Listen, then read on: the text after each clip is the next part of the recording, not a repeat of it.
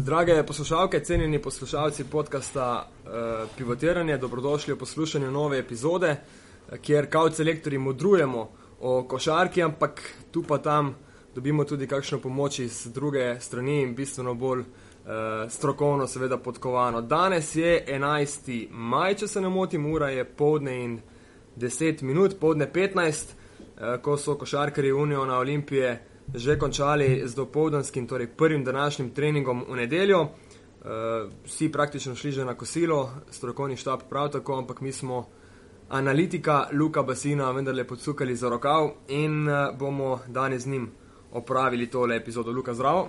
Živijo, Miha. Uh, danes bomo govorili ne pretežno, ampak v celoti zgolj o euroligaškem tekmovanju. Pred nami je namreč zaključni turnir četverice, ki se bo odvijal letos v Mediolanom forumu v Milanu, eh, konec tega tedna.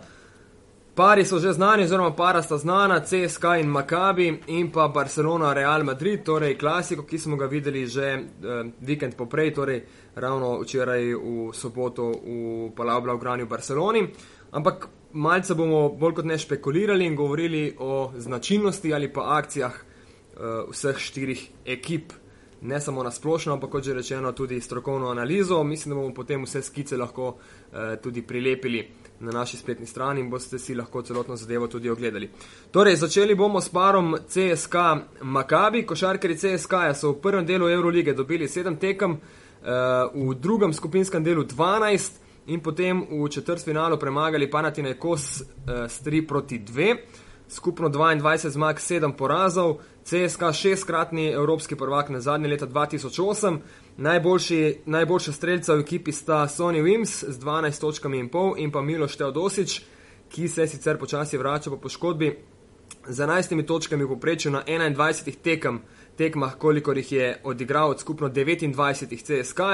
Uh, kot skakalca Hrijapa pet skokov, Heinz slabih pet, asistent Hrijapa najboljši z dobrimi štirimi in pa Teodosič prav tako štirimi asistencami. Uh, indeksnih točk CSK zbera 94, uh, točk na tekmo pa 78, kar pomeni, da so najslabši od štirih ekip, ki sodelujejo na zaključnem turnirju četverice, imajo pa najboljšo obrambo, mislim, da prejmejo manj kot 70 točk, na nek način po vseh Eh, parametrih igrajo najpočasnejšo, recimo, ali pa umirjeno košarko z nekim umirjenim ritmom.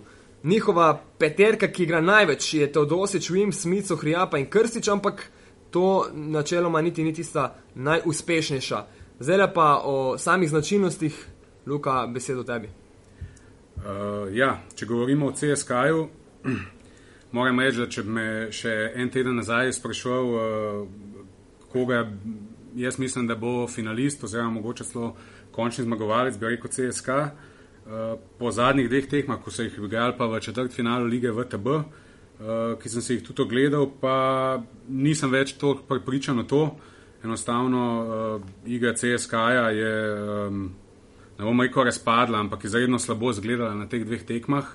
Um, nekako vidi se, da ni nekako tiste kemije, uh, uh, tiste prave, kar je mogoče čudno, glede na to, da je torej Messina trener, ki veliko stavi na to, ko nekako uh, gradi to kemijo preko cele sezone, um, pa mu očitno letos vsaj zaenkrat ni uspelo. Sicer tista končna uh, analiza bo po Final Four, ne sigurno, ampak uh, enostavno te dve tekme, ki so odigrali, se je prav videlo, bomo rekel, da da obstajajo neke klike znotraj uh, ekipe, da Teodosič in Krstič nekako držita sabo, en drugega razigravata, en drugega iščeta.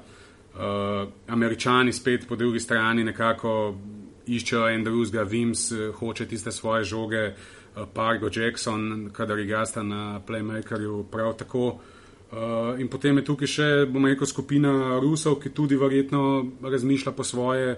Um, predvsem recimo Viktor Hrjapa, ki je po mojem mnenju nek lider te ekipe, bi mogel biti pa.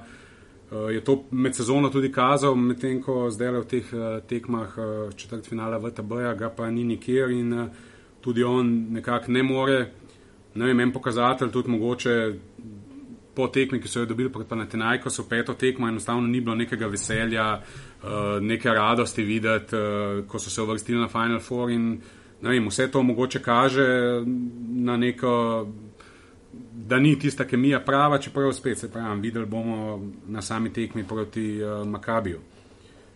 Mogoče ima to srečo, da je vendarle Makabi, ne? v polfinalu Real Barca bi bila verjetno zgodba vendarle malo drugačna, čeprav ne gre Makabija za podcenjevati, daleč od tega. Ne? Uh, ja, jaz celo mislim, da je Makabi v tem drugem delu v playoffu, da je v tem četrtfinalu mogoče celo pokazal največ od vseh, ne? čeprav je še zmeri nek, bomo rekel, kotira kot četrta ekipa, nek outsider, pa vendar, ne? če bi me zdaj le mogoče vprašal, kdo bo prvak, bi mogoče zmal nekak tveganja pa to, ampak Jaz bi celo rekel, mogoče, da bo Makabi celo um, osvojil nekje iz ozadja to Euroligo. Jasno pa, mora zmagati dve tekme, uh, prvo proti CSK-ju. Zdaj, če sem vprašal glede CSK-ja, tukaj je ena prednost CSK-ja, mogoče ta, da so pomočniki Etora Mesine bili nekdaj tudi pomočniki Davida Blata, tako da nekako nekih uh, presenečenj ali pa kaj ne bi smelo biti. Uh, mislim, da CSK ve, kako igra Makabi, da se bo na to pripravil.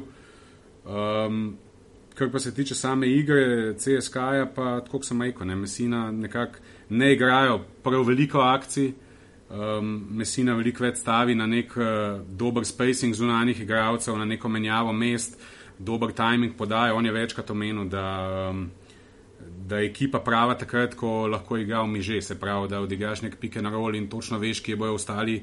Uh, štiri igralci bili, tako da lahko stran gledaš, lahko mižiš, pa boš najdel igralca v kotu, ki mora biti sam. Um, CSK je preko sezone kazal nek ta napredek, uh, se pravi, zdaj ste le zadnje dve tekme, pa to izgledalo uh, veliko bolj uh, bogo. Ne? Ja, doma so v bistvu izgubili obe tekme. Ne? Tako, oni so izgubili obe dve tekme od lokomotiva doma, tako da trenutno zaostajajo nič dva v seriji na tri zmage. V CSK ligi, če, če malo dodam. Tako, uh, tako da naslednje dve tekme se gata v Kubanu.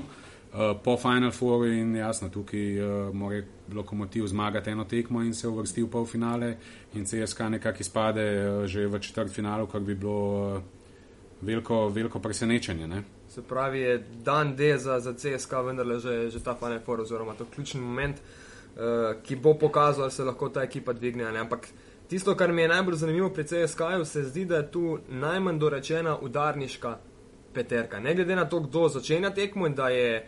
Teodosi začel večji del eh, tekem v letošnji sezoni, pa se zdi, da tiste klasične peterke, ko bi rekli, katera dosega največ točk ali pa povleče igro naprej, da ni sploh na pozicijah 3, 4, 5, je ogromno rotacije, s tremi visokimi igralci smo že videli igrati CSK. Ja.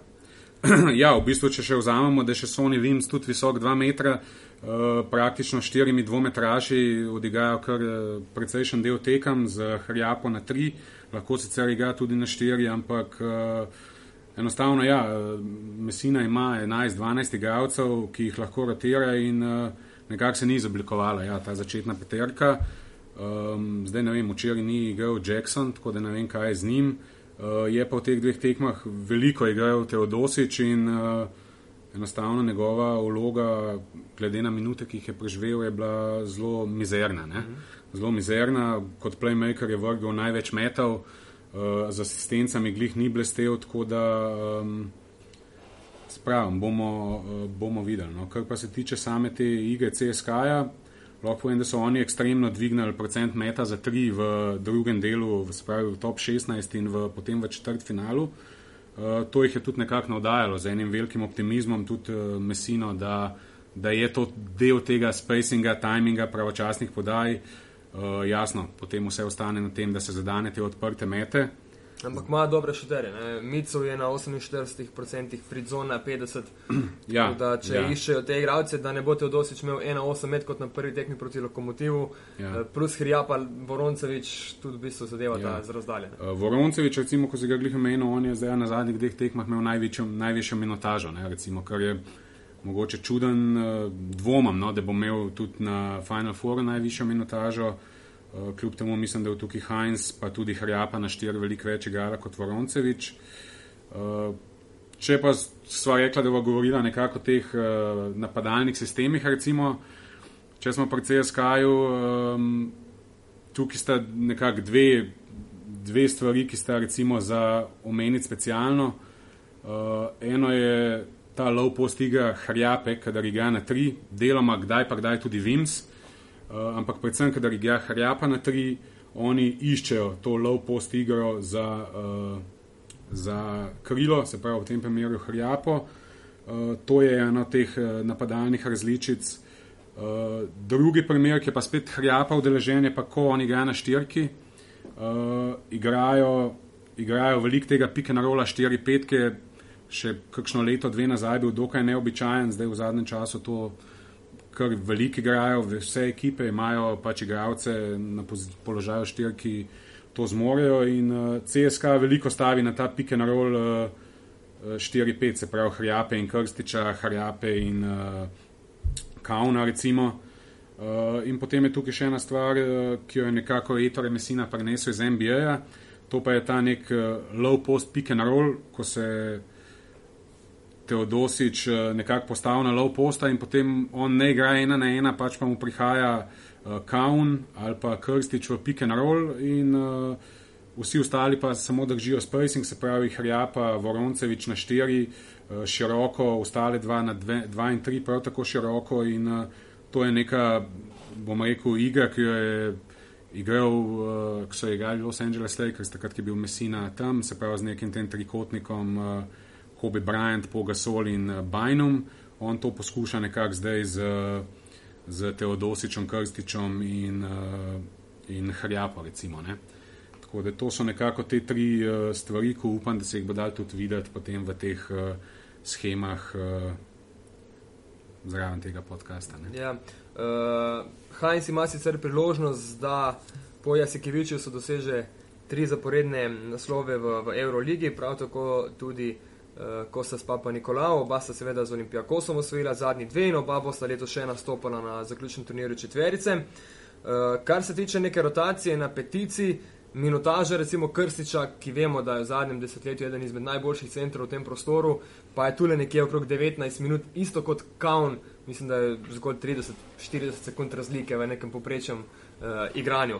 Se ti zdi, da je ta forciranje Kauna morda preveč očitno, glede na to, da je v letošnji sezoni odigral slabše celo kot v preteklih letih? Eno tekmo je odigral zelo dobro, mislim, da uh, celo zadnjo ali pa pred zadnjo playoff. No. Ja. Pa ne vem, jaz tukaj mislim, da je pač eh, nekako misina razmišljala v tej smeri, da če imaš ti že štiri porabnike žokne, da je morda boljše, da potem center tisti, ki skače, ki postavlja blokade, ki uh, odvaja pod koš, ker vemo, če imaš v igri še krstite, tudi on zahteva ne, uh, svoje žoge. Uh, je pa zanimivo recimo stvar na tekmah, ko so jih oni igrali z Makabijom, ne, uh, v rednem delu oziroma v, v top 16. Uh, je pa nekako najboljši posel, bom rekel, na Šorcanitisu, delal Heinz kot petka. Ne? Uh, nekako se je naj, najbolj boril z njim, nekako največ težav mu je delal uh, prav Heinz, uh, enostavno je bil Šorcanitis premočen in za Krstiča in za Kauna. Tako da zdaj bomo videli, če bo to um, tudi na tekmi polfinala podobno, ampak do sedaj na tistih dveh tekmah so jih igrale. Um, Ko so jih igrali te dve ekipe, je nekako najboljše tega šorcanitisa ustavljal ravno Heinz. Ne. In zdaj, če vemo, da je šorcanitis en tisti, ki je en ključnih mož v Makabiju, uh, bomo videli, kako se bojo lotili uh, te zadeve. Je pa dejstvo, da so vse te, um, za razliko od mnogih drugih ekip, uh, CSK skušal braniti Sofata ena na ena, ne, na low postu, ni bilo nobenih pomaganj, nobenih dvojen. Um, za razliko od drugih ekip, ki se poslužujejo veliko tega dvojenja na sofotu. Ja, tudi po tri na enkrat. Tako ja. uh, CSK je vse te situacije branil ena na ena. Sicer obe dve tekme je dubu, uh, Sofo je v tistih 15-17 minutah, ki je bil na terenu, sicer dal svoje, ampak uh, so po drugi strani tudi v tistem trenutku, ki je bil on na parketu, CSK nekako igral veliko hitreje, uh, skušal nekako napadati Makabi v hrbet, zaključovati uh, se pravi na nepostavljeno obrambo, ker kakorkoli pa Sofo se kljub temu, da zgleda morda še počasnejši, niti ni tako počasen, vseeno pa se ne more v tem atletskem delu nekako meriti z, z Krstičem pa z Heinzom, recimo v hitrosti teka v proti napadne. Tako da tukaj so um, CSK delali kar dober posel. Ne. Ko sem malce gledal um, njihov tempo, je drugi najpočasnejši CSK namreč v, v Euroligaškem tekmovanju. Ja, ja, se pravi, CSK je sicer načeloma ekipa, ki zelo rada igra, se pravi, postavljeno košarko. Eh, ampak šablonsko, ne, mesina. Zelo šablonsko, zelo, ja. tako. Se, mesina kot sem rekel že prej, ne, on ima te šablone, sicer ne veliko, ampak zahteva, da se res uh, izvajo maksimalno, predvsem veliko stavi potem na ta spacing, na timing podaj.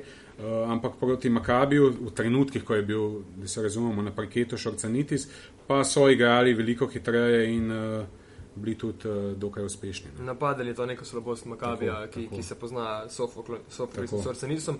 Sploh pa, če imaš uh, Heinza, ne, ki zna preteči in včasih tudi samo žogo zaključiti na drugi ja. strani, to še ena izmed ja. lastnosti, ko lahko potegneš in pa so Nemski, je bil razigran v, v play-offu ja. Euroliga. Ja, seveda, ne se pravim. To je uh, stvar, ko so fotom na terenu, pač Makabi je v nekih uh, situacijah močnejši, v drugih, predvsem v obrambnih situacijah, je pa uh, slabši, ne Makabi. In uh, tukaj, sigurno, tukaj se bo nekako lomilo to, ali bojo znali CSK izkoristiti eh, te minute, ko je Sofo na terenu, da bojo pač dosegali eh, koše iz tranzicije, iz proti napada.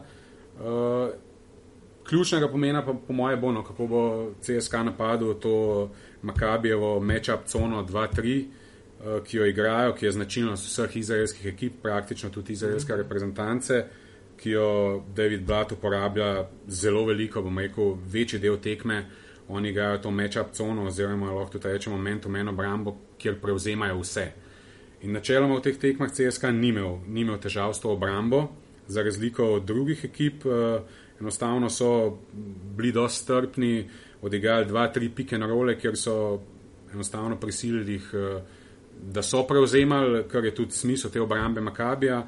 Uh, in na koncu odigrali nek pike na rol na strani, neko izolacijo pike na rol, ker potem Makabi ni več mogel tega tega brand. Tako da načeloma CSK ni imel do zdaj težave s to Makabijevo obrambo, uh, bom pa videl, če, če bom imel zdaj. Ok, da še kakšno rečemo o obrambi CSK, glede na to, da prejme najmanj točk, 69,6 na tekmo. Zakaj je tako neugodna? Zdi se mi, da sloni vendarle na na Hrjapi, ne, ki je tudi že bil izbran za najboljšega defensivno usmerjenega igralca. Ja, Hrjapa je definitivno za moje pojme njihov ključni mož tudi v napadu, ampak sploh pa v obrambi. Sploh se je to videlo na, v playoffu, ko je na eni tekmi dosegel, mislim, 4 točke, pa imel indeks. Preko ja. 25. Mislim, sta bile celo dve ali tri take tekme, ja, ker je imel ja, ja. v bistvu zelo malo točk, indeks pa ogromen. Uh, dobro, zdaj to, da CSK dobiva malo točke, posledica tudi tega, da oni igrajo na dolge napade, da imajo uh, posesti nasprotnika.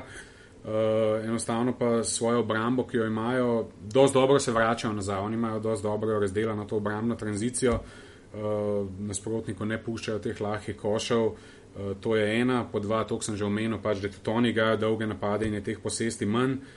Uh, po tri pa očitno pač imajo izdelane te. Uh, obrambna pravila, dosti dobro se jih držijo, mislim, da je le trenerku, uh, mislim, da ga igralci spoštujejo, se držijo teh pravil in uh, jaz mislim, da tukaj leži uh, skrivnost tega, da je CSK po točkah, bom rekel, najboljša. Obrambna ekipa, ne skrbi pa spet ni to nujno, da je res najboljša obrambna ekipa, ker samo število prejetih točk nekako ne pomeni tudi, da si saj za me, da si tudi najboljša obrambna ekipa. Ja, je pa Mesina zdaj v teh dneh dosti govoril o osebnosti igralcev, da se tega ne da v, v treh, štirih dneh spremeniti. Očitno neke zadeve vendarle ne funkcionirajo tako, kot si je želel.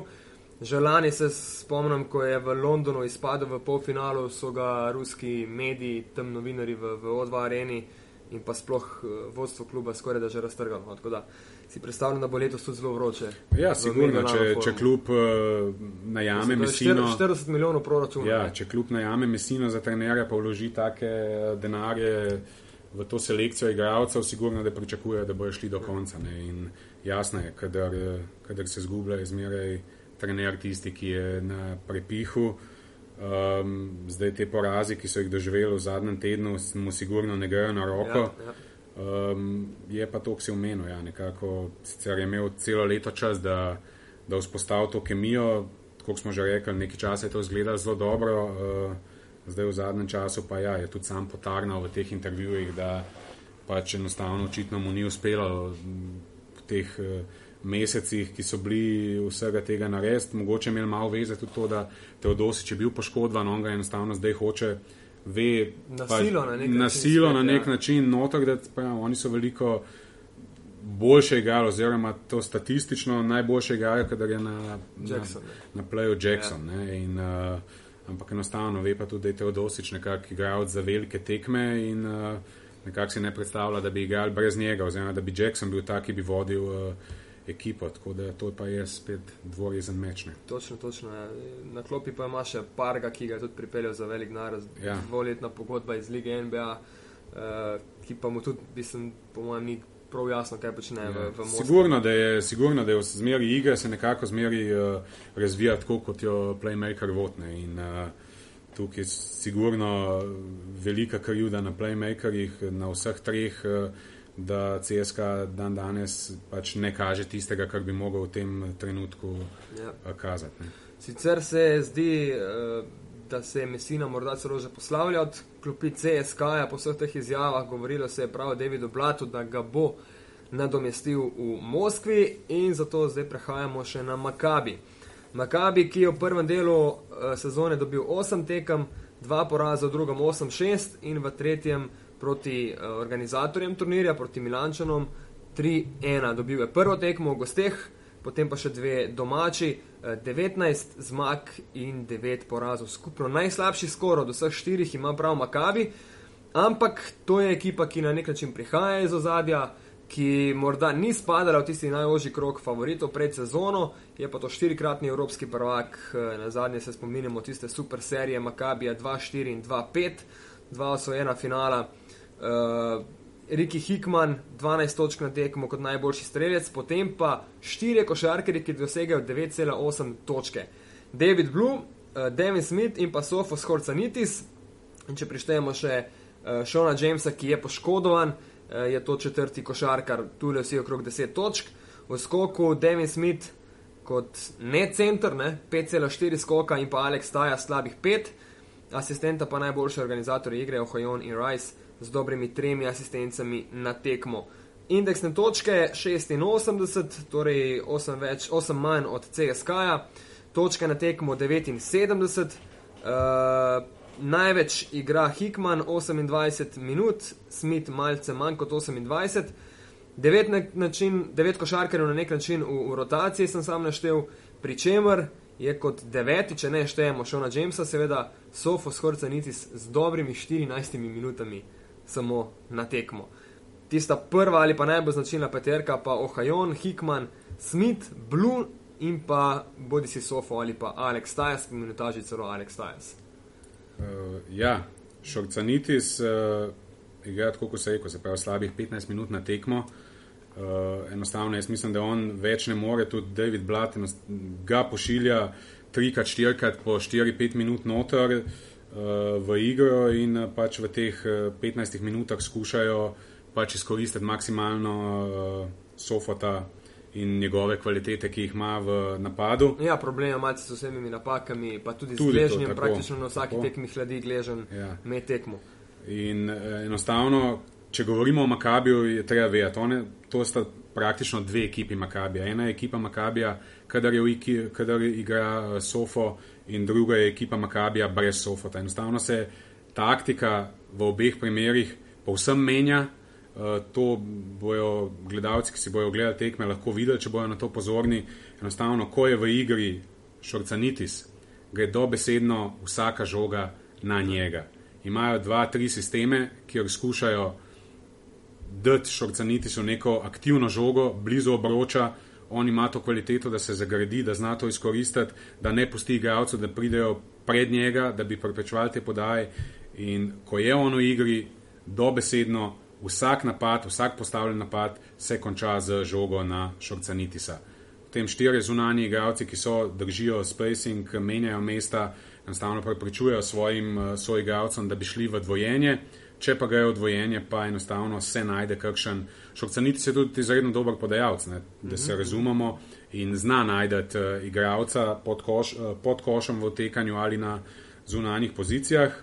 In potem je tukaj druga strategija, ko šokcaniti so ni v igri, Makabi igra veliko hitreje, Makabi igra veliko tega aktivnega pick-and-rolla z Tajusom, ki je izreden pick-and-roll igralec, postavlja dober blok, hitro odvaja pod koš, velike teh heliup podaj na zabijanje. Uh, Uh, ja, in to tudi v ključnih momentih tekme. Ne? Ni da tako. se to karkoli spremenja, oziroma pri plus 20.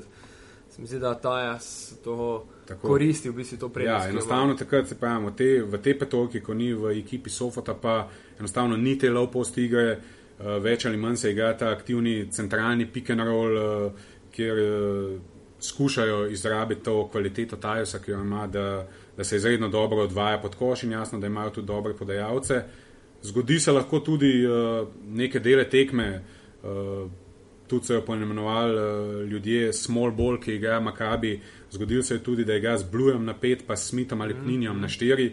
Se pravi, v tem primeru praktično CSK, recimo, če igrajo tisti svoji najmočnejši petorki, je uh, Vims kot dvojka, recimo, prav tako visok ali pa višji kot Smith in Pninja, recimo, ki igrata na, uh, na štiri ali tudi Tajus, ni ne vem kakšna višina na pet. Uh, tako da enostavno tukaj uh, bo, bo uh, odvisno, zakaj se bo odločil, da se ravno vemo, Sofo bo odigral teh 14-15 minut, vsekakor, takrat bo šla žoga dol, ko njega ni na parketu, bojo igrali veliko hitreje, bojo igrali veliko tega uh, pick and rolla in uh, tukaj bojo pač oni iskali uh, svojo priložnost v napadu. Ja. Sploh z dobro trojko, ne 39 uh, odstotkov zadetih metov za tri točke. Uh, s temi žogami na zven. Poznamo Davida Bluja, lahko zadeva nekoč Blutenthal, no? ampak ja. lahko zadeva tudi v serijah. Uh, Riki Hickman se zdi, da je v bistvu z letos vrstitvijo drugo peterko Eurolige vstopil med elito najboljših ja. uh, branilcev ali pa, ali pa krilnih košarkarjev.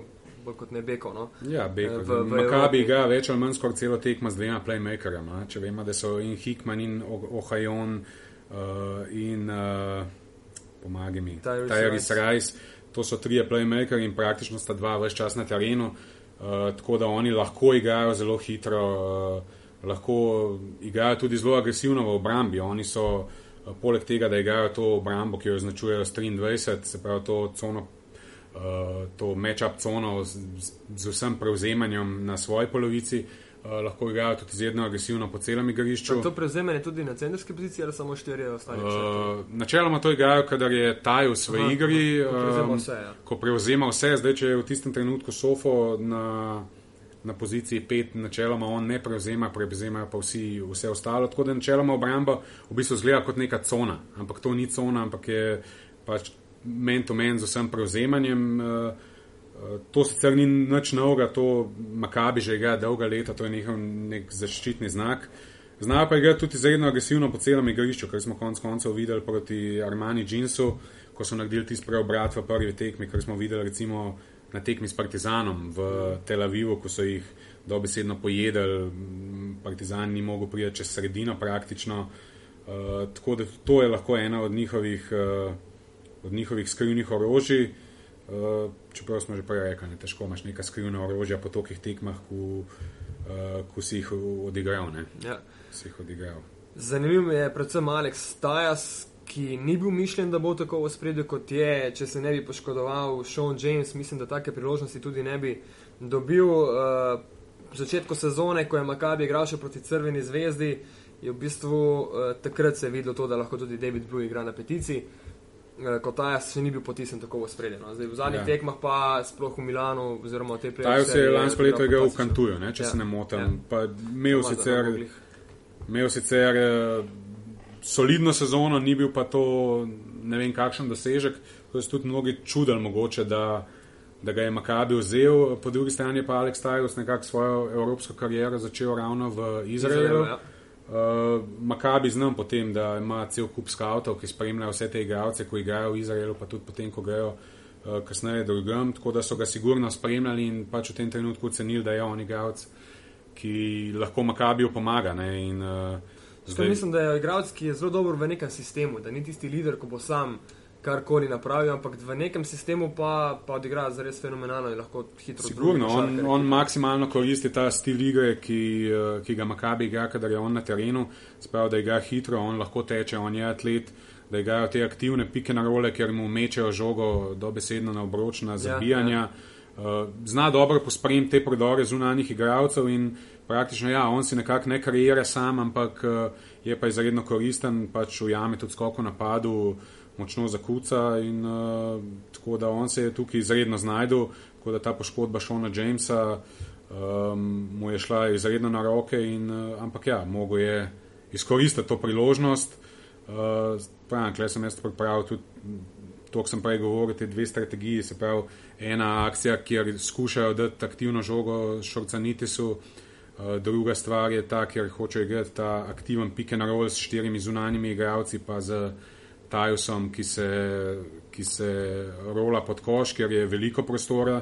Glede na to, da smo rekli, da ne more biti neke velike pomoči zunanjih položajev, če vemo, da, tam, da so tam dobri šoterji, tudi prej so pozabila Joe Ingles, ne, ja, recimo, ja, ja. tudi en šoter, ki ste letos ni pokazal tistega maksimuma, mogoče igra za otenek slabše, kot je igral v Barceloni. Ampak, ja, tudi sam se zdaj nekaj že oglasil, da v bistvu se ni uspel pokazati v takšni luči. Ampak, mislu, eh, ampak to je njegov tretji Final Four zapored. Tako, ima izkušnje in uh, sigurno bo, bo imel dosti vidno vlogo v tej igri Makabija na Final Fouru. Uh, pa poleg teh schem sem jih pripravil še ena povsem enostavna z tega Diamonda, se pravi ko igra praktično cel svet, se pravi s playmakerjem na vrhu, s petko in štirko na eni strani, trojko, dvojko na sredini. Uh, pač delajo to neko dvojno pretekanje. Najprej trojka pride mimo Šorcanitisa, sprejme žogo, na to ga še dvojka, sprejme žogo dvojka in v tem trenutku se Šorcanitis uh, gradi pod košem, kot sem prej rekel, ima izredno dober ta step in uh, sprejema žogo blizu koša. Če jo sprejme delač od koša, jo poda nazaj in se pravi, brez žoge nekako uh, skuša še enkrat vzpostaviti to pozicijo uh, pod košem in potem ga je težko braniti. Potem ga je težko braniti uh, uh, in to so nekako te trije napadalni sistemi, ki jih oni. Ko jih oni največ igrajo. Ne? Ja, tudi ogromno nekih osebnih napak na, na Sofu, ki so skoraj tako. tako. tako da, v bistvu, uh, Sofo bo... ni tudi nek briljanten izvajalec prostih metov. Ne? Čeprav se je popravil, je nad 50%, mislim, da je tam okoli 60% ali koliko. Uh, leto, dve nazaj, recimo, je bil še veliko slabši izvajalec prostih metov, uh, zdaj je to prvino, kar je popravil, ampak še zmeraj v nekih trenutkih mogoče je, je celo dobro narediti uh, osebno napako nad njim. Okay. Um, sama, sama obrambna igra si že omenil, ne? v bistvu bodo s tem prevzemanjem sigurno ne bodo stopili tega svojega sistema. Uh, ne, po moje, da ne, po moje bojo. Kakšne druge conske uh, variante in pri CSK in pri Makabiju ničesar niso, ki posebej omenjali. Uh, pri CSK recimo zanimivo je bilo tudi večinoma bazirajo na men-to-men obrambi, na obrambi men-to-men. Uh, je pa zanimivo recimo na zadnji tekmi proti Makabiju. Uh, so vsakič, ko je Makabi imel žogo z strani ali pa izpod koša, iz avta, CSK postavljal uh, consko obrambo. Uh, bil dokaj uspešen, uh, Makabi ima neke sisteme, majko dosti zapletene, po drugi strani pa uh, za njih enostavne, ker so prihajali do nekih lahkih košov, direktnih lahkih košov, iz, predvsem iz avta, izpod košov in uh, tukaj se je CSK odločil, da bo to nekako neutraliziral z tem, da bojo postavljali uh, consko obrambo. Takrat so jih mogoče malo presenetili s tem, jaz sem prepričan, da, da bo Makabi zdaj na to pripravljen. Uh, po drugi strani pa je zmeraj tako, ne. Trenerji ponavadi ne poslužujejo dvakrat iste taktike na, na tekmah proti istemu nasprotniku. Uh, Se pravi, če je CSK to delal na zadnji tekmi proti Makabiju, jaz dvomam, dvomam, da bo zdaj tudi to delo, ker točno vejo, da se bo Makabi na to pripravil. Se pravi, tukaj zdaj bo šlo spet za ena, uh, bi rekel, nadmudrivanja ja. trenerjev, ne, uh, taktične različice, kdo bo bolj pameten. Uh, Kdo bo nekako uh, skušal prelisičiti ne, nasprotnega trenerja. Sta pa oba trenerja, siguren, top trenerja v Evropi, Absolutno. med drugim. Uh, in, bo zanimivo videti to tudi uh, taktično bitko, ne trenerja. Bilo je zanimivo videti tudi v, v playoffu vse tiste uh, motivation speech strani Davida. Uh, Davida Blata. Davida Blata, ja. ja. V bistvu ima samo štiri igralce, ki so doslej že igrali na zaključenem turnirju četverice, ja. najmanj od vseh ekip. Uh, tudi to v bistvu kaže na to, da Makabi mogoče pred sezono niti ni računal na tako, na tako velik ja. uspeh. Ja, David Ampak, Blatt je tak trener, ko recimo ameriški stil. Z, ameriški stil zelo red pohval uh, igralce. Um, Tudi o porazu, recimo, jih spodbuja, jim daje podporo, nekako tudi v medijih. Jasno, pa zdaj v tem času medijev se vse to vidi, recimo, se snema tudi te sestanke po tekmah, se da to v medije, se naredi cel pomp iz tega. Uh, sigurno, da je to tudi ena, en majhen kamenček v mozaiku uh, uspeha, vsekakor pa pač uh, ni to zdaj neka ključni trenutek. Uh, igravci se ne, enostavno navadijo, njim pač zdaj so navajeni na Davida Blata, če bi imeli za trenerja Messina, pač bi se navadili, da mogoče Messina v nekih drugih stvarih uh, boljši, pa mogoče nima teh motivational speaker, yeah. Ja. speechov uh, po tekmah, uh, tako močnih, izrazitih. Uh, to se igralci enostavno navadijo, pač David Blat je tak. Ja, in zdaj, ki je to prišlo v medije, se še toliko bolj to uh, izpostavlja. Je pa jasno, tudi igralci, enim to paše, enim pač je to vseeno. Je pa lider, če je kdo, je David Blat svoje ekipe. No, Sigurno, sigurno se bom strinjal. Meni je zredno všeč tudi njegovo vodenje, uh, njegovo spodbujanje igralcev, tudi kadar naredijo napako. Uh, jaz mislim, da je to. Da je to kar pomembno, ne? ampak kot sem prej rekel, pač igralci se navadijo tudi na drug stil vodenja, tako da um, enostavno te oba dva trenera no, izredno cenam, tudi nekako preučujem njihovo igro, red pogledam njihove tekme, uh, ker igrajo zelo všečno košarko, vsak na svoj način. Ola, drugi polfinalni par je eh, klasiko Barcelona, Real Madrid, tako kot tudi lani uh, v Londonu, letos torej v Milano. Začnemo z Barcelono. V prvem delu 7 zmag, 3 porazi, v drugem skupinskem 12-2 in v četrtfinalu z najmanj težavami prek Galata Saraja uh, s 3 proti nič, skupno 22 zmag in 5 porazov, torej Barcelone, ki je odigrala za razliko od Reala dve tekmi manj v četrt finalu. Dvakrat je Barca osvojila Euroligo, leta 2003 in pa 2010. Lani, kot že rečeno, bila poražena strani Reala v polfinalu. Uh, najboljša streljca sta Ante Tomič 12 in pa Juan Carlos Navarro dobrih 11. Najboljši skakalec Tomič dobrih 6 in pa Joey Dorsey 5,7 skoka. Eh, v asistencah pa Marcelinho, Huertas 3,6 in Navarro 3,3. Po indeksu četrto mesto od vseh ekip v Euroligi, po točkah šesto mesto v Euroligi, eh, po odstotku meta za dve je Barca najboljša, 57 odstotno, eh, na trojkah relativno slaba, bistveno slabša kot CSK, Real in Makabi. Mislim, da šele 13 mesto, sicer tudi v Euroligi, 35 odstoten med za tri, uh, prosti meti pa pri Barceloni celo najslabši, daleč najslabši od omenjenih ekip, 68 odstotkov, uh, malo ukradenih žog, skupno v letošnji sezoni 123, skoraj da pol manj od Reala, recimo. Največ igrata Papa Nikolao 25 minut in 20 sekund, Navarro pa 24 in pol. Uh, kot že rečeno, po Barca dosega malce manj kot 80 točk na tekmo, v rotaciji 11 do 12 igralcev, Pulen približno 10 minut in pa Lampe, takrat, ko igra, je njegova minutaža približno 14 minut na tekmo, ampak načeloma to niso bile tekme, ki bi kakorkoli odločale. Štartna peterka je Huertas Navarro, Papa Nikolao Lorbek in Tomič. Uh, Marcelino Huertas je začel prav na vseh tekmah, torej na vseh 27 tekmah, Barse v letošnji sezoni, zato se pričakuje ponovno nekaj podobnega. Je pa zanimivo, da Boki Nagbar dosega največ točk od vseh košarkarjev, ki igrajo pretežno na poziciji 4 pri Barsi.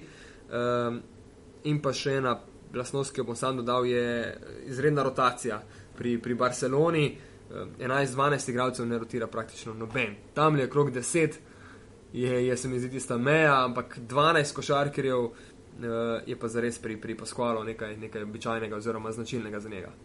Ja, eh, izredno, tako kot se reče, globoka, globoka rotacija, veliko igralcev, dobesedno je ta neka prva petorka, ki, ki igra največ mogoče, ampak potem imajo res na vsakem mestu dobesedno po dva igralca, na nekaterih mestih celo tri, recimo na centrskih položajih imajo Tomiča, Lampeja in eh, Dorsija. Um, na trojki, recimo, dva izvrstna igralca, pa pa Nikolao in, uh, in Abrines, ki sta mimo grede včeraj vlastno ročno recimo potopila Real v tej tekmi uh, španske lige. Enostavno Real tukaj ni imel odgovora in če se samo za trenutek na Real, enostavno naj, najšipkejši na tej položaju tri, ker je recimo Barcelona zelo močna. Uh, In jasno, imajo potem tudi specialca Sado za te obramne naloge, da naredi svoje, lahko tudi organizira pulena, res globoka rotacija. Um, uh, enostavno, ni pa zdaj, da bi to globoko rotacijo nekako uh, koristil, da bi igral nekako veliko bolj agresivno ali pa kaj, ampak enostavno ima v vsakem trenutku igralce, recimo včeraj ni začel Juan Carlos Navarro, je začel Brad Oleson na, na dvojki. Uh, ampak enostavno ne pozna se jim, če en ali dva igralca manjkata, če en ali dva igralca nimata svojega večera. Uh, enostavno so tukaj uh, drugi, ki lahko te iste akcije koristijo sebi v prid, se pravi Barcelona, sigurno ekipa z tem nekako najširšim rosterjem od vseh ekip. Ne. Ja, um, na nek način se mi zdi, da igrajo, ko igrajo na postavljene napade z nekim osnovnim pick-and-rollom na vrhu. Uh, Marcelino Huertas je načeloma tisti, ki vse skupaj organizira, sam gre, bodi si na asistenco na centra ali pa na, na prodor in potem iz tistih nerezonskih, vsaj zdi se tako metov ali pa položajev iz najbolj kompliciranih metov skuša zadevati. Ne. Uh, ja, veliko, veliko imajo tega pike na rola. Če smo prej rekli, recimo, da CSK pa Makabi igrata dosto omejeno število akcij, recimo je ta drugi polfinalni par Real Barcelona pravo nasprotje, obe dve ekipe igrata, ne vem, cel kup akcij, dobesedno, uh, recimo pri Barceloni, mnogo trenerjev, ki igrajo proti Barceloni, recimo se sploh ne pripravlja na njihove akcije, ampak se pripravlja uh, samo individualno, kaj so recimo dobre in slabe stvari. Eh, posameznikov, ker je enostavno ne mogoče, ker se zgodi, recimo, da igrajo, da menjajo te akcije, ne vem, štiri tekme zapored, sploh ne igrajo istih akcij, potem peto tekmo šele odigrajo spet akcijo uh, iz prve tekme, uh, da se ravno je pa nek smisel akcij, pa vseeno, kot se rekel, uh, zelo veliko je tega top pike na rola med Huertasom in Tomičom ali Huertasom in uh, Dorsijom. Uh, spet so okolj sami dobri šuteri, nasploh te vse ekipe so pa sestavljene tako, da so to šuteri, ki so, um, ki so top šuteri v Evropi in tukaj je veliko prostora za te pike na role, ker ni velike pomoči uh, obramnih igralcev ostalih, ker enostavno morajo braniti to širino uh, te šuteri in to uh, Barcelona s pridom izkorišča. Uh, Huerta še posebej, tako kot so menili, z nekimi temi na prvi pogled čudnimi šuti, floaterji z ene noge, ampak moramo se zavedati, on to trenira, on to je nekako specializiral in ni to, da bi bil to nek. Morda za gledalce čuden met, ampak za njega je to povsem običajen met.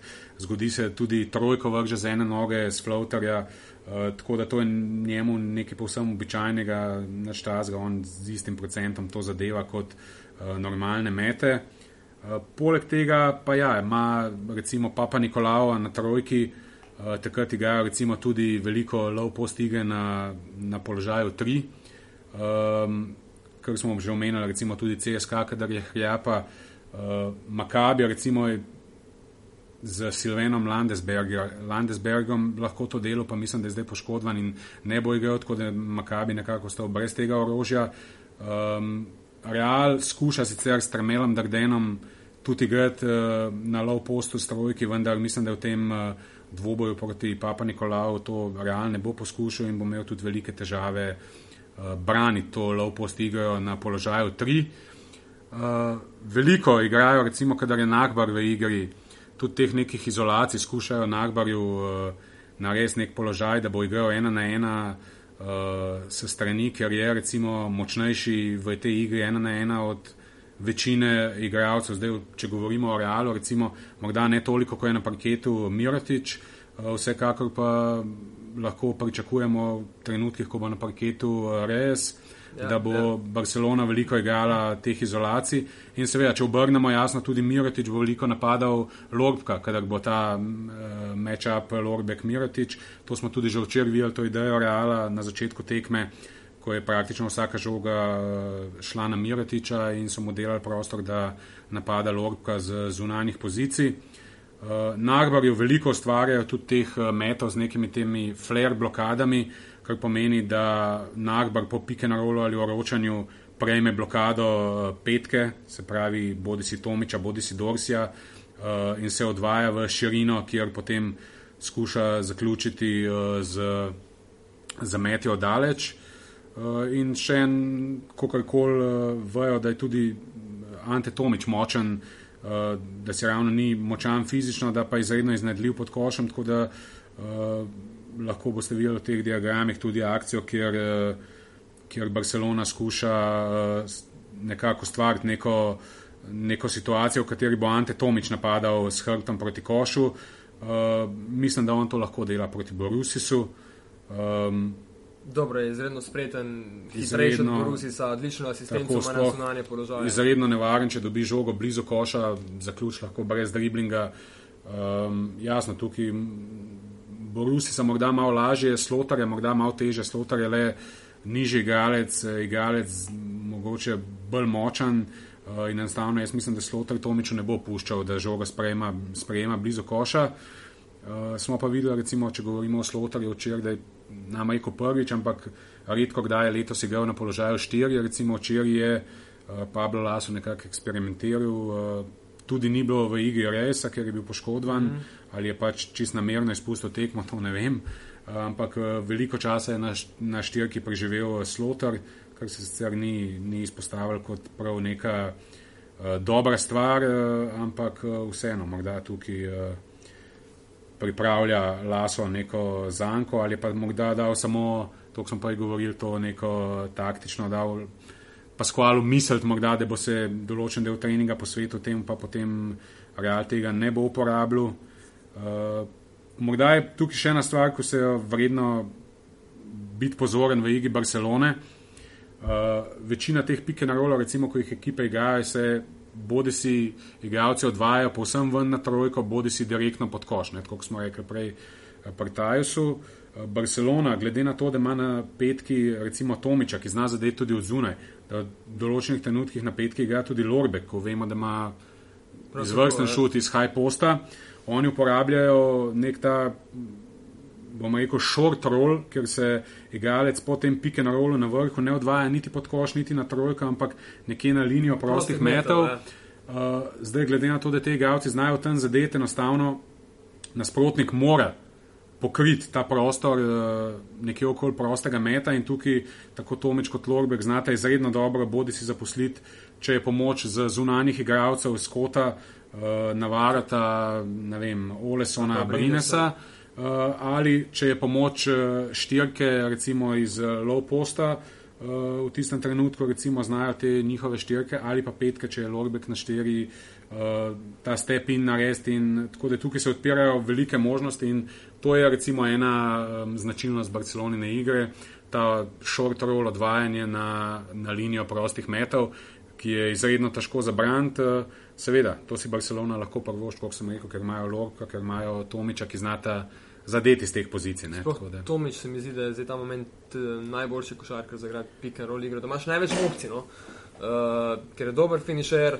Z odličnim pregledom, z odlično asistenco, ima podaje za hrbtom, ker se ne zgodi sigurno, pri peticiji. Sigurno, ne. to mi če, to, ko se reko, zelo raznovrsten, zna se rolati pod kož, zna se rolati v ta short roll na, na linijo prostih metov, zna podati, če blizu koša sprejme, uh, uh, lahko zaključuje brez eh, driblinga, ker je izredno dolg, visok, zna da, če ga pustijo na tem eh, high postu, se pravi na liniji prostih metov, zna zadet.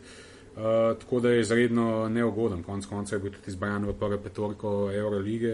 Uh, vemo zakaj, bil je dvakrat, mislim, da je to igralec meseca v Euroligi. Ja, dvakrat zapored prvi. Ja. Tako tudi v ACB ligi je bil, uh, tako da je naredil en velik korak naprej. Uh, Prav jasno, tudi on ima pomankljivosti, tudi on je fizično šibak, ima težave proti močnim centram, uh, ampak enostavno ima toliko velik teh dobrih stvari, da, da zasluženo, recimo, kotira kot nek uh, najboljši center, morda trenutno v, v Evropi. Ne. Zdaj, če imajo druge ekipe enega klasičnega, ki igra večino pikarolov, recimo Olimpijako, Spanulis, v Panatinajko so Diamantidis. pri, pri uh, eh, CSK, tudi načeloma Teodosič. Ja. So pa tule Marcelino Huertas, Navarro, tudi Brad Olson in še Sada, takrat, ko je v igri. Ki, in Jacob Pullen. In Jacob Pullen, ki ima sicer najnižjo minutažo. Ja. Pri Huertasu, kot sem prej že rekel, ne, neka penetracija, išče tudi te asistence ali pa tisti na pol rezonski met, ki pa za njega vsekakor -hmm. je neka smela, smel poizkus. Navaro išče veliko krat. Projekta so, če te smem prekiniti, mnogo, ja. ker recimo nasprotne ekipe v teh pike na rolih hodijo spodaj. Puščajo trojko. Ja. Enostavno puščajo trojko, vendar pač on se ne da dvakrat eh, prositi, da to trojko tudi vrže in konc koncev ni tako slab šoter, kot bi morda nekateri radi uh, uh, predstavili. Uh, konc koncev je, je soliden šoter, zadane eno trojko na tekmo. Um, po drugi strani pa zna tudi, če mu je obramba spodaj, to izkoristiti, da z nekim pospeškom recimo prebije prvo linijo, tudi če, če mu obramba hod spodaj. No? Ampak tako da. Ja. Navaro išče načeloma trojko ali pa izsiljuje tiste osebne napake, ja. košarke, ki največkrat. Tako eh, Navaro je izredno in... izkušen, dober izvajalec prostih metod, tudi eh, zna, zna izsiliti to osebno napako. Zdaj Navaro tako koristijo, recimo predvsem preko tega pike na rola. Uh, kjer ga on igra, ali pa pač imajo te neke sisteme razdeljene tudi za njim, uh, kjer uh, skuša dobiti žogo na teh uh, tako imenovanih stegarjih, dvojnih blokadah uh, in izredno hiter izmet, mm. enostavno, če zamudiš pol koraka, bo navaro prišel do meta in uh, tudi izredno samozavesten ve, da lahko tok in tok trojk vrže in on jih enostavno bo metal. Ja, če ne se boš nasadil na njegovo finto in ga boš poslal tako, na linijo. In pa Brad Olson, ki pa se mi zdi, da ne gre toliko v raketo, ampak bolj na stran po pick and rollu, da išče. Uh, neke druge variante tukaj, na robu rakete ali pa so bliže trojki. Tako je, ja, Bredolo se na trenutkih, ko igra recimo pick and roll, uh, koristi to, da s tem pick and rollom dobi nek eh, pol metra, meter prednosti, potem pa še do značilna ta njegov step back s finto naprej, pa z dvema ja. korakoma nazaj uh, si pribori to dober položaj za met in vemo pa, da je to njegova najboljša stvar, ravno ta metod uh, daleč in uh, tako da spet, če pa spet govorimo, recimo je pa ravno uh, v finalu kraljevega pokala, skoraj da prinesel Barceloni eh, trofejo s prodorom ne, v zadnjih sekundah, če ne bi potem eh, Ljubljana zadev tistega meta, recimo bi bil mož odločitve ravno Brad Oleson eh, s košem iz prodora. Ne. Se pravi, vsi ti igralci so tako kvalitetni, da se lahko rečemo, da so bolj nevarni, recimo z nekih situacij, ampak znajo, znajo vse. vse ne. sigurno, sigurno. Sigurno. Zdaj nekem proti napadu, uh, Juan Carlos Navarro, vemo, da se zna ustaviti na trojki, pred to sem tudi išče med z razdalje. Brines in pa, pa Nikola, pa po drugi strani košarkarja in pa Boki Nagber, ki, ki bodo igrali tudi malce bolj v raketo. Ne. Sigurno, sigurno. Tukaj je Brines, recimo tudi ravno včeraj je tudi on iz tranzicije, recimo vrgo dve trojke, uh, eno zadevo, eno zgrešil, uh, sicer pa ja, lahko izredno hitro tečejo, uh, vendar spet ne, real, ko pa pol kasneje govorila, je o tej prvini ne, še boljši in uh, bo zanimivo videti, no, kdo bo izkoriščal bolj to. Uh, tranzicijo, enostavno odvisno od tega, od same obrambe, ne? Mhm. kje se dobi obrambni skok, uh, kako se obrambna ekipa potem vrne. Uh, bomo videli, težko je tukaj napovedati, kdo bo to boljši izkoriščal, ampak uh, so izredno nevarni. To, ko se je rekel, Nagbar na štirki, mislim, da je bolj spreten, ne bom rekel hitrejši, ampak bolj spreten od večine štirk, morda ne od Miratiča v realu, ampak vse ostalo pa in uh, To tu čavi pa skvali izredno dobro koristi Nagbar. Nagbar, glede na minutažo, ki jo ima, morda celo, ne vem, če bi šli računati, morda celo najbolj učinkoviti igralec. Uh, tako da včeraj sicer ni imel ravno najboljše tekme, uh, ampak tista včerajšnja tekma, jaz ne bi dal kakšnega velikega poudarka na rezultat, ki je bil enostavno realje, bolj kot ne zacementiran na prvem mestu v španski ligi, Barcelona bolj kot ne tretja, sicer se lahko še zgodi kaj, ampak bi bilo veliko presenečenja, ja. če se ne bi tako končalo. Dobro, moramo vedeti, da Real v rednem delu uh, španskega prvenstva že 8 sezon zapored ni slavil, pa lau Blaugrani. To, to sem poraz... slišal, ta podatek, če je po televiziji, ja. Ja, tako da neč tazga.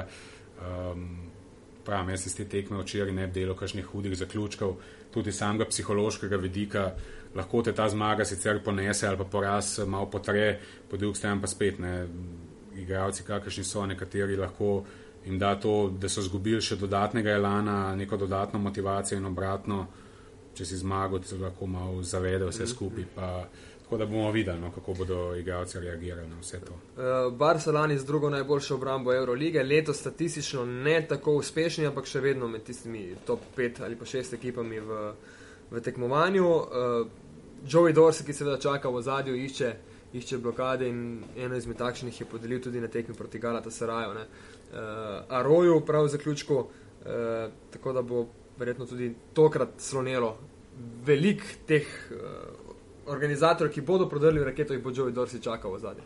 Sigurno, sigurno. Čeprav tukaj, če že gremo kar direktno na, mogoče na ta dvoboj z Realom, uh, Real ima le na zunanjih pozicijah res take šoterje, da bo tukaj Barcelona mogla verjetno bolj agresivno braniti te pike na role v sami igri 2 na 2, nekako ne mogočati, da Huertas uh, razigrava te svoje in to je nekako najlažje delati, če ti pike na role braniš uh, izredno agresivno. Ne. Zdaj, uh, Joey Dors je tega sigurno sposoben, um, malo manj, verjetno tudi Masej Lampe, če bo drugo priložnost, uh, teže pa je tega recimo sposoben Ante Tomič ali pa Razem Lorbek. Ne, tako da uh, bomo videli, bo zanimivo pogledati, kako bodo se trenerji lotili teh pikenrolov, obrambe pikenrolov uh, in potem pomoči ostalih treh igralcev, ki niso direktno odeleženi v pikenrolu. Ja, Zaenkrat med sebojne tekme 51 zmag Barca 38 Reala, lani uh, polfinale, torej prav Barca Real, ki ga je Real dobil 74-67, ampak uh, tudi z Rejesom, ki je bil najboljši strelec. Reala, res je nekoliko vprašljiv za uh, tekmo v Milanu, bojda tudi Draper, ki se sicer vrača po poškodbi. Kaj je res, da uh, nisem zasledil? Prepona. Aha prepona naj bi, naj bi zdaj bila največja težava. Uh, Dreber je tu v zadnjem času manjkal nekaj časa, ampak Real je na zadnjih osmih tekmah zabeležil samo štiri zmage in štiri poraze, dobro dva poraza iz playoffa, uh, dva poraza pa iz domačega prvenstva proti Valenciji in pa proti Barceloni.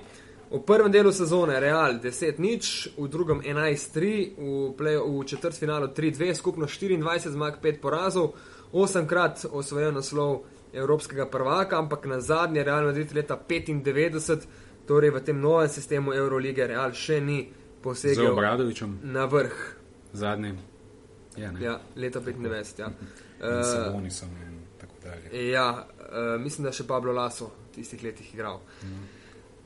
Trener Reala. Točke. Rodriguez 13,5, Rudi 13,2, skok Borusis 6, Reyes 5, asistence Rodriguez 5, Ljun 4 indeks najboljši, neka najbolj spektakularna igra, kot smo tudi že čez celo sezono govorili, 105 po točkah, prvo mesto, uh, procent meta za 2, 54, šesto mesto, uh, procent za 3, uh, 40, približno tako kot CSK, prosti meti celo najboljši Real Madrid, 80 odstotno, največ ukradeni žog uh, na splošno Reala v letošnji sezoni.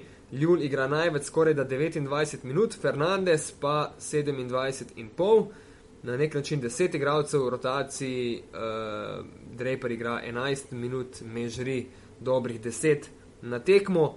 Peterka Ljul Fernandez, Darden Mirotič Borusis je največkrat prva peterka, pri čemer potem Rodriguez, ki vstopa sklopi eh, že klasično, lahko rečemo, dobiva to zajetno minutažo 22 minut in pol.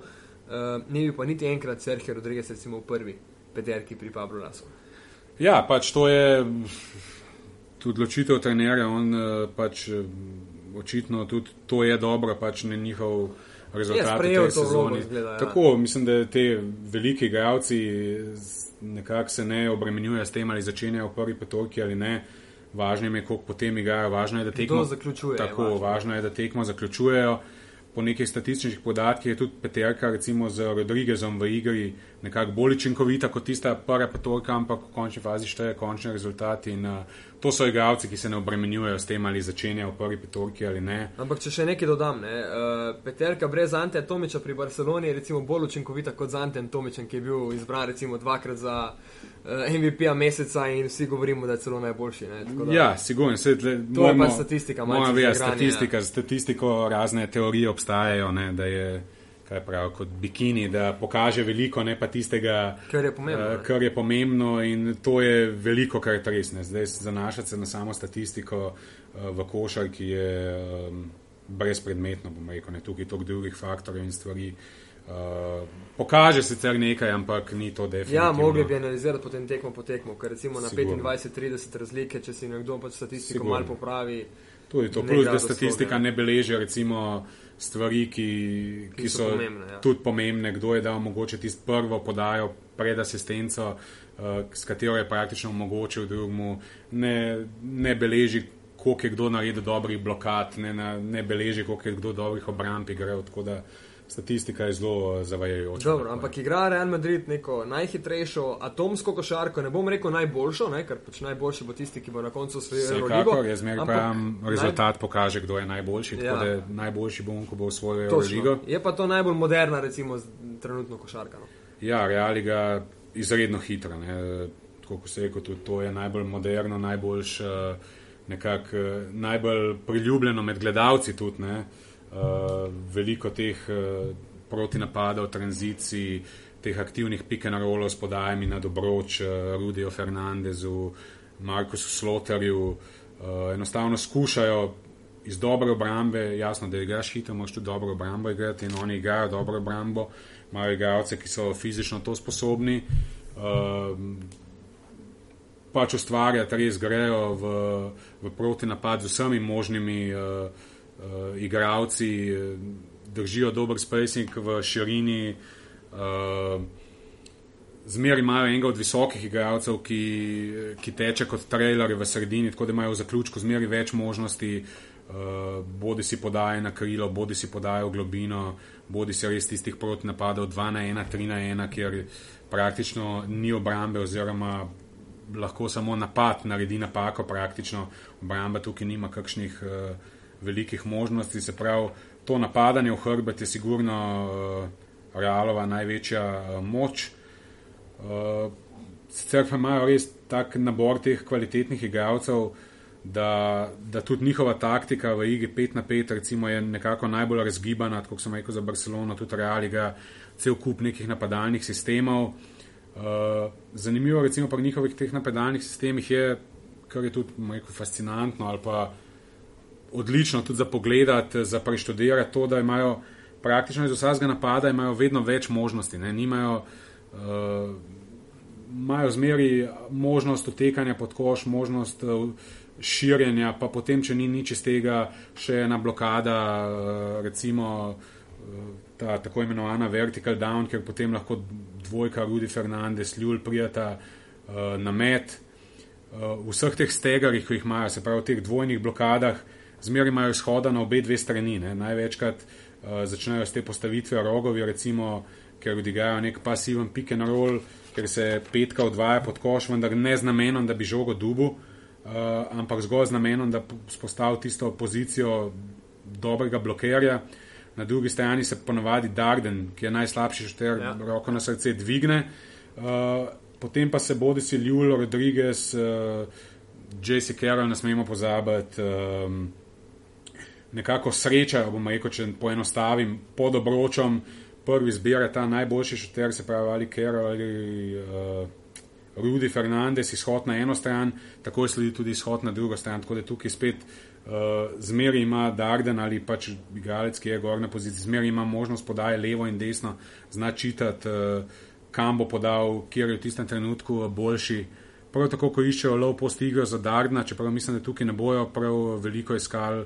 Eh, recimo Dagna, ker enostavno je nižji, morda v trenutkih, ko bo na parketu Brines, uh, zmeraj imajo možnost low post igre na 3 ali na 5, ne? se pravi spet tukaj Rodriguez ali Ljul odločata, bo podal žogo levo ali desno in bojo iskali, se pravi low post igre s trojko ali s petko. Uh, tako da je še ena tukaj. Pravi Borusis proti Tomiču. Tako, Borusis napada Tomiča. Ali ne, oziroma pa, pa Nikola bolj težko. Tako, tako, lahko tudi mežri na petki. Eh, po globini eh, napada. Tudi Slotar, bomo rekel, zna odigrati, kljub temu, da nima te hude višine, ampak je močan, izkorišča to moč. Eh, in še ena izredno zanimiva akcija, ki jo igrajo, recimo, kjer z nekim pike na rolom na eni strani zaposlijo te dva igralca v pike na drugi strani pa grejo neke te dvojni blokade. Ki nekako niso tako popularne, bomo rekel, niso tako trendovske v današnji košarki, ampak realno izredno dobro koristi, ker trojka in štirka delata dvojni blok, dvojki, ki prihaja na drugo stran. Uh, na tej strani pa se igra recimo pick and roll 1-5 ali 1-4 in enostavno toliko je tega gibanja, toliko je tega dogajanja, da enostavno ni možno kaj preveč pomagati. Recimo v tem pick and rollu ni možno pomagati v teh izhodih za blokad. Uh, tako da tukaj Pablo Laso res uh, najdu te napadalne sisteme, ki izredno ustrezajo. Uh, tej ekipi jasno, jasno ustrezajo zato, ker, ker so to vrhunski igralci. Zdaj, Dobro, bo rekel, tak tip igralcev tudi. Ne? Tak tip igralcev, ne, Marko bo rekel, zakaj pa drugi tega ne igrajo. Ja. Zato, ker pač nimajo Rudija Fernandeza, ker nimajo Ljula, Ljula ker nimajo Redrigeza na teh pozicijah, ne, ker nimajo Miratiča, ki lahko v vsakem trenutku ali rola pod koš ali se odvaja na trojko in jo tudi zadane. Ne. Tako da res igra Real všečno košarko, zelo težko za brand, za skautirati. Eh, tako da bomo videli, no, kako se bo Čavi Pasquale in uh, ekipa Barcelone uh, tega lotla. Ne. Zelo, zelo dinamičen napad, vsekakor. Ja, ja, vse te situacije, uh, nekatere od teh situacij, recimo tudi Pablo Laso na lanskem seminarju uh, v Ljubljani, nekako razložil, povedal smisel tega in uh, res ima vse nekako svoj smisel in moram reči, da se tudi igralci Reala tega izredno držijo. Uh, Kakorkoli so to veliki igralci, pa egoti tukaj recimo ni videti, ne, da ne bi držali skupaj, da pač Rudi Fernandez enkrat da 20 točk, drugič dve točke, nekako ni mu, pač vseeno mu je, ne, vidi se tukaj, da res stremijo k temu, da, da usvojijo to Euroligo, nekako lansko leto recimo jim uh, ni uspelo, ne, jih je presenetil mm. Olimpijakos, letos bi jih, vsaj v Majko, čeprav tista peta tekma ne, ni bila ravno blizu, pa vendar jim je Olimpijako zdelo velike težave v tekmi 3 in 4, ker so recimo se lotili Reala na nek način, ko, ko je mogoče prinašal rezultat, ne, ampak spet vprašanje, če je Barcelona taka ekipa, da se tega lahko loti enostavno v tistem tretji in četrti tekmi Olimpijakos. Uh, Prevzemo praktično ja, vse. Ne. Brian Dunston je ostal. Brian Dunston na, na petki, uh, recimo, je veliko krat ostal na playmakerju. Uh, Real igra veliko teh pike na rolo, 1, 2, 1, 3, tudi je dokaj neobičajno. Uh, tudi tu so vse prevzemali, pa potem 3, 5, pa 1, 5. Zgodilo se je, da so vem, v enem napadu štirikrat prevzeli te pike na rolo in Brian Dunston je tak igralec, ki to uh, lahko, ne? tudi Simons pa. Recimo um, Petway ali pa. Petway pa na štirki še. Uh, tako da enostavno Olimpijako se je v tisti tekmi lotil res na način, tudi recimo neka analiza te obrambe je lahko, uh, lahko vidna, na, se da pogledati, recimo se da najdete video analizo tega na, na YouTubu, recimo ti lahko tudi pošljem. Uh, Link pa jo daš mogoče zraven. Printezis, ja. tako, printezis smo prej govorili, tudi on je igralec, ki lahko to vse prevzemu in uh, Enostavno takrat je imel Real velike, velike težave z organizacijo napada. Prvič letos, bom rekel, uh, je pa vprašanje, če se Barcelona lahko tega posluša. Ne vem, če ima take igralce na pozicijah 4, predvsem pa na poziciji 5, da bi se to lahko uh, privoščili. Kaj pa sama obramba Reala, načeloma, ko je igral uh, tudi Don Tej Draper, so bili zelo agresivni na sami žogi. Ne? To je bila njegova naloga, da, da pritiska. Ja, Donta Draper je, če se spomnimo, velikrat recimo prihajal v igro šele začetek drugega ja. polčasa. Ne? In takrat, so, takrat je res uh, ta agresivnost uh, bila veliko boljša kot sicer. Uh, čeprav jaz mislim, da tudi recimo mnogi mislijo, da pa ne vem, neko Rodriguez, uh, J.C. Carroll, kao, da je šoter, uh, tudi Rudy Fernandez, da ne igrajo obrambe, ne pa ni res, če si bi to ogledali tudi oni, morda izjema Rudi, no, če ga pogledamo, kdaj on, tako po mojem, ker ima na svojo roko hod pod blokadami, uh, ampak ve, da bo pač trener tudi ve, da bo v napadu on dal tisti svoj delež, pa mu nekako po domač povedan ne teži zaradi tega, ne, zdaj lahko da so tako zmenjani, ne vem. Sicer pa tudi en J.C. Carroll igra vrhunsko obrambo, uh, pritiskajo. Ena stvar, recimo, ko znajo biti zelo nevarni, je njihova cona presne. Na, po prostih metih, kjer z slotarjem kot petko igrajo uh, kot prvim človekom. Slotar je tisti, ki usmerja svojimi, pač ima to, da ima dolge roke, lahko se mu. To je presing celega igrišča. Presing na celem igrišču, igrajo slotarjem na vrhu, pa potem z dvema bekama zad, uh, nekje na polovici, pa s trojko, štirko, malo bolj zadaj, ali pa mogoče s trojko malo više, pa štirko od zadaj. Uh, in tukaj so recimo delali določenim. Uh, določenim ekipam težave in potem tudi ekipa porabi 6-7 sekund, da pride sploh čez sredino igrišča, potem se vrnejo v to cono 1-2-2, kjer je spet slotar na vrhu, uh, pa v tistih zaključkov napada, potem nekako grejo men to men, pa vse prevzemajo. Tako da je to lahko recimo obramba, ki uh, na trenutke prenese izredno dober rezultat. Uh, Sprav pa pričam sem, da to tudi Barcelona ve, pa se bo na to pripravila, ne? ampak uh, enostavno Real Madrid spet ne na vsaki tekmi, ampak na vsakih par tekem, ko so nekako začutili, so lahko igrali in to je ena recimo uh, značilnost njihove obrambe, ne? da, da igrajo veliko tega. Cone igrajo, nekaj so igrali v teh trenutkih, ampak uh, bolj malo, recimo včeraj, ne vem, sem gledal tekmo, mislim, so eno ali dve obrambe postavili, consko obrambo, sicer pa ne. Uh, bolj se zanašajo na to uh, men-to-men obrambo in uh, uh, tako sem rekel, no, pa na trenutke na to 1-2-2, ker je zanimivo, sta, da je slotar kot petka recimo na vrhu. Ok, imaš uh, kakšno posebno idejo, kdo bi lahko osvojil vse skupaj ali je enostavno to vse tako zanačeno, da, da težko napoveš? Uh, jaz, če bi mogoče za zaključek najprej rekel, mislim, da se bodo tekme lomile predvsem v tem, da če gledamo prvo tekmo CSK Makabi, a bo CSK znal odgovoriti na to Makabijevo matchup cono 2-3 in se bo znal nositi uh, s to nizko petorko Makabija. Mislim, da sam tisti prisotnost Šorcanitisa, pač Šorcanitis bo v tistih 14-15 minutah verjetno dal ne, svojih, uh, svoje točke. Zapravo mislim, da je tukaj odločil predvsem to, kako bo CSK reagiral na to matchup obrambo 23, ko jo kličejo Makabi. Um, v drugi tekmi pa predvsem to, kako bo Barcelona uspela zaustaviti to tranzicijsko igro uh, Reala. Mislim, da je tukaj leži ključ. Uh, če bo Real uspel igrati hitro, uh, potem mislim, da ima Real veliko več možnosti. Ne? Če me pa sprašuješ, kdo bo šel do konca, če bi me to en teden nazaj recimo vprašal, bi bil bi ti kot izstopa rekel, da bo finale CSK Real. Ne? Zdaj po vseh teh uh, tekmah, uh, ki smo jih gledali, po včerajšnji pa po CSK-ju, ki je zgubil dvakrat. Uh, uh, tudi Makabija, recimo v prvenstvu Izraela, je v playoffu sicer večer zmagal, vodi 2-1 v četrtfinalni seriji uh, proti osmemu nosilcu Galil ja. Gilboji, ampak je recimo tri dni nazaj uh, zgubil.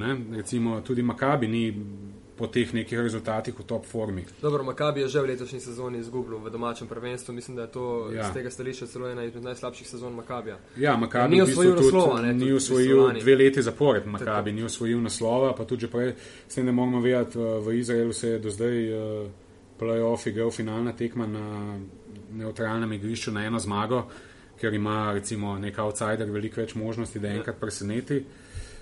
Uh, če se pa vrnemo nazaj, no, jaz uh, nekako logično no, bi bilo, da jaz mislim, da bi nekako logično bilo, da bi bil eh, Real prvak. Še zmeraj mislim, da ima največ eh, orožja tako v napadu kot v obrambi, uh, da pride do tega naslova. Uh, če pa bi mogel recimo staviti, pa se malo kockati, bi pa rekel, da bo, da bo prvak Makabi. Enostavno bojo najbolj sproščeni. Uh, imajo neka orožja, ki so morda neobičajna za to današnjo košarko, uh, uh, so nekako v naletu, so v bistvu edini, ki niso bili nosilci v četrt finalu, pa so, pa so prišli uh, naprej dokaj suvereno. Um, tako da, če bi mogel zdaj nekako denar uložiti na koga, bi, bi uložil na Makabi. No. Nima tako malo možnosti, kot se je zdelo. Ne, ne, tako, ne pa tudi konec koncev tudi pravijo, da bo pol dvorane v rumenem, ja. uh, se pravi, bojo imeli veliko, verjetno največjo spodbudo. Uh, z, z tribun. Ja, nekak, sigurno, to absolutno. Nekako vse te ostale tri ekipe nimajo nekih hudih divjih navijačev, bom rekel. Uh, Manjkajo Grki, ne? ena grška ekipa. Sigurno, uh, ali pa če bi domačini, ne, verjetno ja. tudi videli tukaj uh, nek navijaški dvoboj, da je pa Rusija, pridejo več ali manj kot neki turisti navijači. Barcelona ima sicer neke navijače, ki pa niso neki divji navijači, prav tako Real ja, Madrid. Ja. Tako da tukaj bo imel mogoče Makabico neko prednost domačega igrišča v narekovaju. In... Vprašanje je samo, kako ga bodo italijani sprejeli, glede na to, da so prav domačine izločili. Ne, ja, ja tako da bomo videli. No, se pravi, jaz nekako logično bi bilo, da bi stavil na Real, ampak bom rekel, da bi stavil na Makabi, da bo šel do konca. Ok, še to za konec, da bo to uh, Final Four, kjer ponovno ne bo nobenega trenerja iz, iz balkanskega področja. Uh, mislim, da že v lanski sezoni in po dolgem času ponovno brez grške ekipe. Luka, ja. hvala lepa. Ni za kaj. Za vso to analizo. Seveda bomo eh, te skice prilepili spodaj na naši spletni strani, kolikor se bo le dalo, da si malce pogledate. Uh, mogoče še poveš, kje se te najde, ne kot Luka, BSS in na, na Twitterju. Tako, več ali manj zdaj, kar se tega tiče, jaz uh, pač Twitter uporabljam, Facebook ne. Uh, Twitter nekako mi je bil tako, da sem kar dost ljudi spoznal, dost uh, teh kontaktov navezal, dost informacij se dobi, tako da lahko me najdete tukaj. Ok, mene pa kot penkalis, prav tako na Twitterju in pa jasno pivotiranje, tako kot verjetno že veste. To je to za danes. Uh, hvala lepa, lahko se naročite na podcast pivotiranje in nas poslušate še naprej. Hvala, čau. Dio.